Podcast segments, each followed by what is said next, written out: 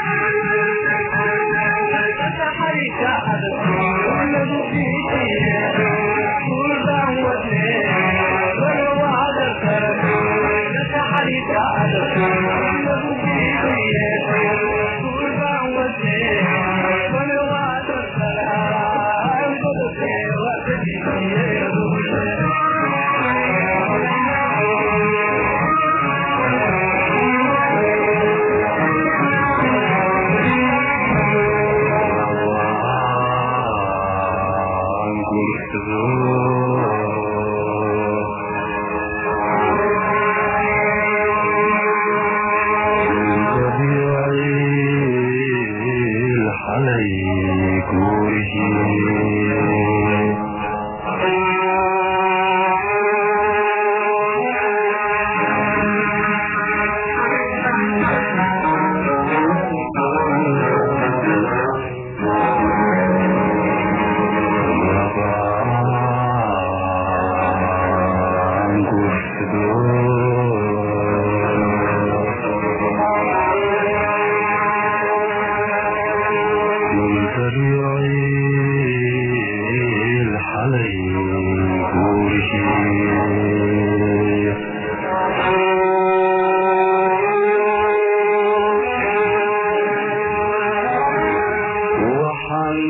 gawda ku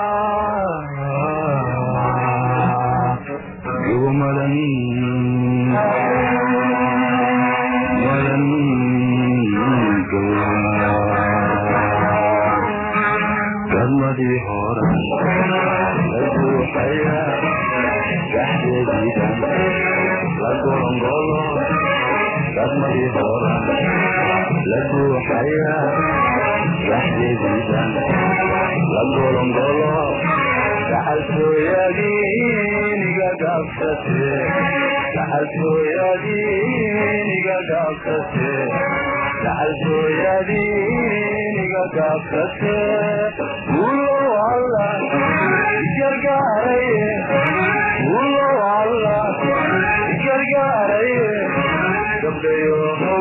wanahagta ulow alla gargaaraye gargaaraye gabdhayo hogala wanahagtaan hoy gabte wagadiniye ay gabte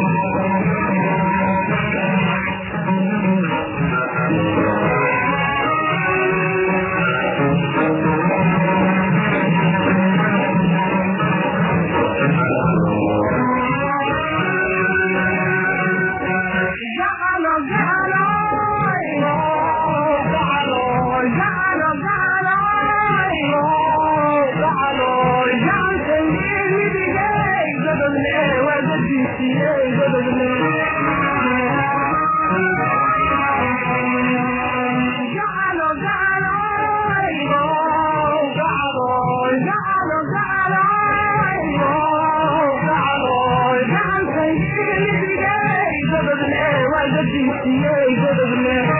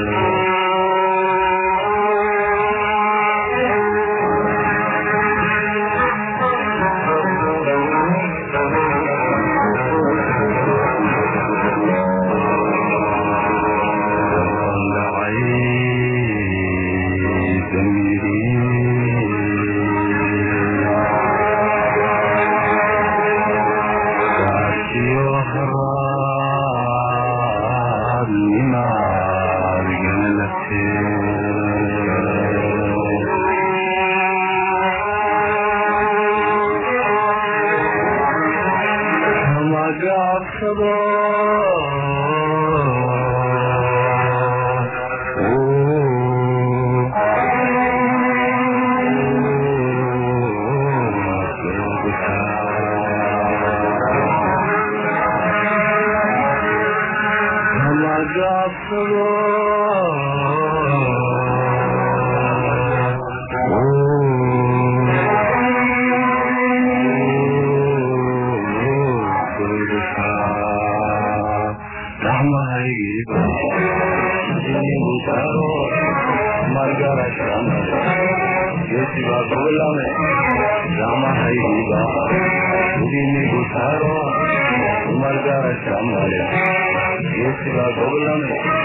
markii ay gantaal xidigoodikii markii ay gantaal xidigoodikii markii ay gantaal xidigoodikii gatayo wadna garabka lahele gatayo wadna garabka lahele gabdayo howalaa gelgeliye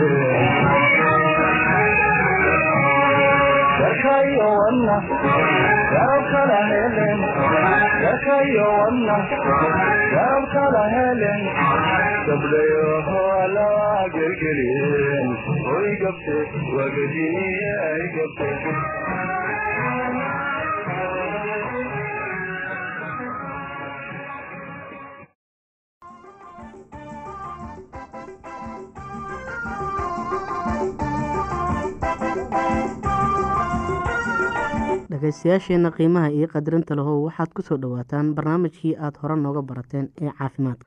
Dadka da-da ah ee aada u qufaca waa in ay sigaarka cabin oo ay talo dhakhtarnimo doontaan haddii ay calaamado qaaxo isku arkayn inta markii ay ka yaraayeen ama marmar dhiig soo tufeen waxaa laga yaabaa inay qaaxo qabaan.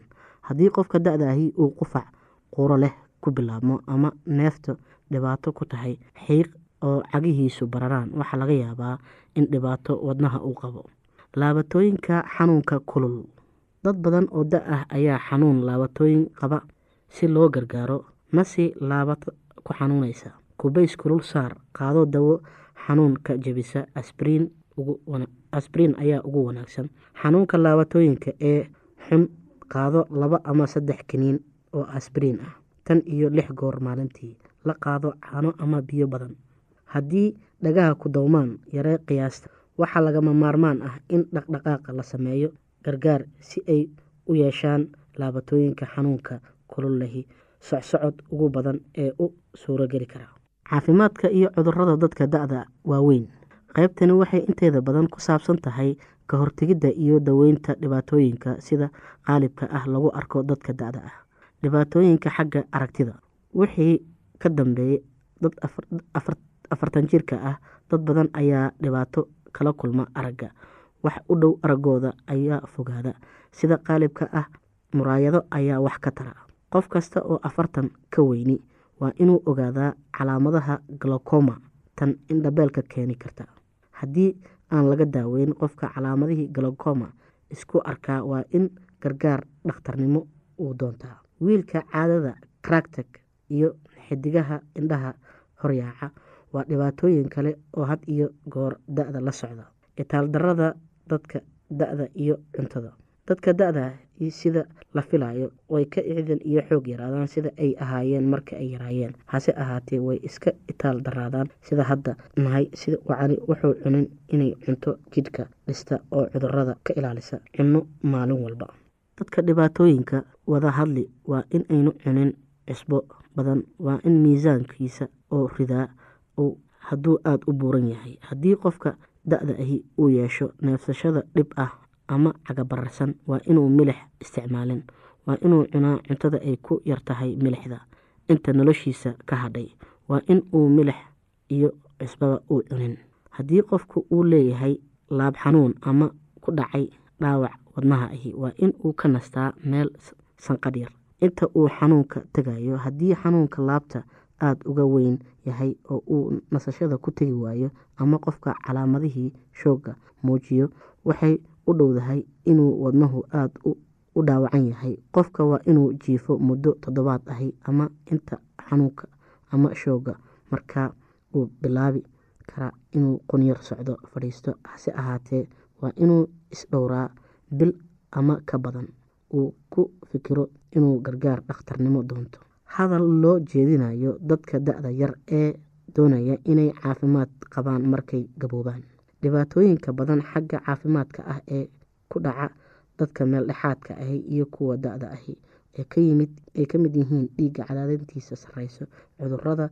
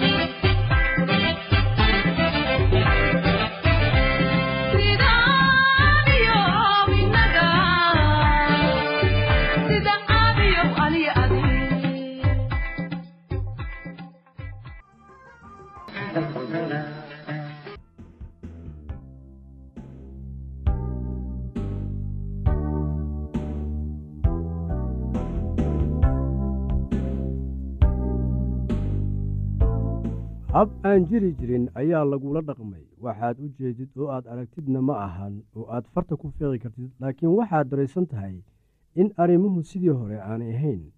Sidii hore uma degganaa ama uma xiise qabo qosolka iyo xifaaltankii aad wada qaybsan jirteen markii hore hadda ma jiro. Haddii aad weydiisid inay wax dhibaato ah jiraan waxaaad helaysaa jawaab qalloocan oo aan la fahmi karin. Shaki aan meel loo raaco lahayn ayaa ku wareerinaya kadibna cabsi ayaa kugu dhalanaya. Maalmo badan kulama hadlayo adigana uma yeeraysid. Marka aad haddana ugu dambaysta kulantaan waxa aad weydiinaysaa in wax dhib ah jiro. Waxaanad markaa ka cabsan jawaabta uu ku siin doono dhanka kale ayuu fiirin oo garbaha kor u dhaqaajinayaa waxaadna ogaan in jawaabtii uu ku siiyey ay intaa tahay. Maxaa dhacay haddaba? Miyaad riyoonaysaa ama malaynaysaa ama adigaabay ku haysataa arrintan? Keliga ayaa meesha lagaga tegay oo haddeer waa inaad falkaagii dib ugu laabataa. Waxa aad dib u jaleecaysaa wakhtigii la soo dhaafay oo waxaad eegaysaa mustaqbalka. Kadib waxaad bilaabaysaa inaad yaabto wada kulanka dambe miyuu sidaan u imaan doonaa oo tegi doonaa? Haa taas waa run gabdho badan ayaad ballaminaysaa oo aad la wada soconaysaa laakiin mustaqbalka xargaha ayaad u jiraysaa oo waxaad la haraysaa oo qura tan aad guursanaysid. Haddaba arrintan taagan ayaa waxay tahay sidii laysaga ilaalin lahaa furniinka. Waxaa run ah mar kasta inay xaalado soo baxayaan marka ay habboon tahay in xiriir la jebiyo intii la sii wadi lahaa waxaa jira nin iyo naag aad isugu duuban oo aan arkin calaamooyinka khatarta ah oo keeni kara oo mustaqbalka guurka halayn kara. Halkan waxaynu ku haynaa calaamadooyin khatar ah oo la doonayo inaad iska ilaaliso waana marka dareenka iyo dabeecadda qofka ay ka xoog badiyaan maskaxdiisa. Iska ilaali muranka faraha badan iyo dagaalka.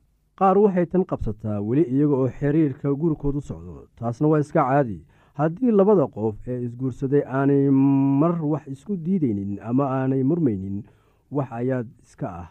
Waxaa laga yaabaa inaanay si wanaagsan isu dhexgelin laakiin waxaa jira mar isfaham la'aantu ay xad xun gaarayso khaasatan marka muran dheer oo buuq leh oo joogto ah u dhasho. Mararka qaar xitaa labada isguursaday ee aada isku jecel ayaa isfahmi waaya laakiin marka isfaham la'aantiina iyo dagaalkiina uu ka kormaro wakhtiga aad nabadda tihiin wax laga welwelo ayaa idin haystaa maxamed iyo sacdiya waxay ku adag tahay inay sugaan wakhti yar si ay isula joogaan. Wakhtiga xiriirkooda waxa uu u badan yahay iyaga oo isla ciyaara oo isu raaxeeya. Wakhtiga ay wada joogaan intiisa badan sidan ayay wada sameeyaan. Dhaqdhaqaaq kale oo ay sameeyaan waa yaryahay. Wadahadal caadi ah ma wada yeeshtaan haddii ay yeeshtaanna waa yaryahay marka ay labada wada joogto sidan yihiin dhinacyada kale ee xiriirka noloshooda ayaan korayn. Haddii jacaylka jirka ah uu ka xoog badiyo wada jirka aad la leedahay qofka kale haddaba waa inaad iska furtaa qofkaasi oo aad nolol cusub la bilowdaa qof kale si aad u dheeli jirto dareenka iyo kan ruuxa. Marka labada qof ee isqaba ay ku kala nool yihiin laba meel oo kala fog laba waxyaalood waa in loo fiirsadaa inay ku kala tegi karaan da-da ay joogaan iyo dhulka u dhexeeya aawiisa iyo in kale. Haddii aad dhalinyar tahay oo saaxiibkii aad aadka u jecleed uu meel kale aadayo ma wanaagsana inaad isugu dhaarataan inaad weligiina kala tegaynin oo aanad qof kale ka dooran doonin. Hase yeeshee labada isqabta haddii ay da-weyn ku jiraan wax walba caadi ayay u soconayaan. Xitaa haddii ay ku kala nool yihiin laba meel oo kala fog khatarta kale ee la doonayo inaad iska eegtid ayaa waxay tahay dabeecadda xun ee isu timid. Marka ugu horreysa oo aad gabadha la xiriiraysid dabeecaddaada iyo teeda isu eeg. Mararka qaar dabeecadahan iyaga ah ayaa waxa ay iin ku yeelayaan noloshiina waxaana idiin horseedi karaan wakhti xun. Haddii labada isjecel ee isku duuban oo si wanaagsan isula socda marka la isu keeno ay noqonayaan kuwo iimaan xun oo qaraar kuwaanoo kale ma ahan inay wada xiriirayaan si ay isu guursadaan. Mid kasta oo xiriirka jacaylka leh qof kale runtii waa inuu isweydiiyo ama ay isweydiisaa. Marka aan saaxiibkayga aan jeclahay la joogo miyaan ka xumahay mise waan ka wanaagsanahay? Marka qaar waxaad arkaysaa inaabad isku gefaysaan golalkii aad lahaydeen ama dhaqankaaga. Khatartan iyada ah waa midda la doonayo inaad ka sii foojignaato xusuuso golalkaaga iyo dhaqankaaga waa waxa aad adigu tahay iyo waxa aad ahaan doontid sanooyinka soo socda. Kala tegidda ama isfuridda waa arrin xunuun badan sababta iyada ahna weeye sababta aanay dadku u doonayn inay waxaas ka fikiraan taasoo u horkacday inaanay baran habkii loo xalin lahaa arrimaha noocan oo kale ah ee ku saabsan nolosha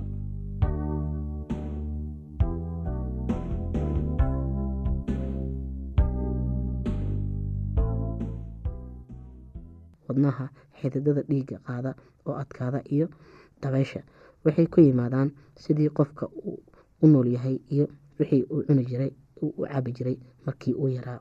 Laga yaabaa in aayatiinka dambe inaad in badan caafimaad ku noolaato. Dhegeystayaasheena qiimaha iyo qadarinta lahu halkaa waxaa noogu dhammaaday barnaamijkii caafimaadka. Waa shiina oo idin leh caafimaad wacan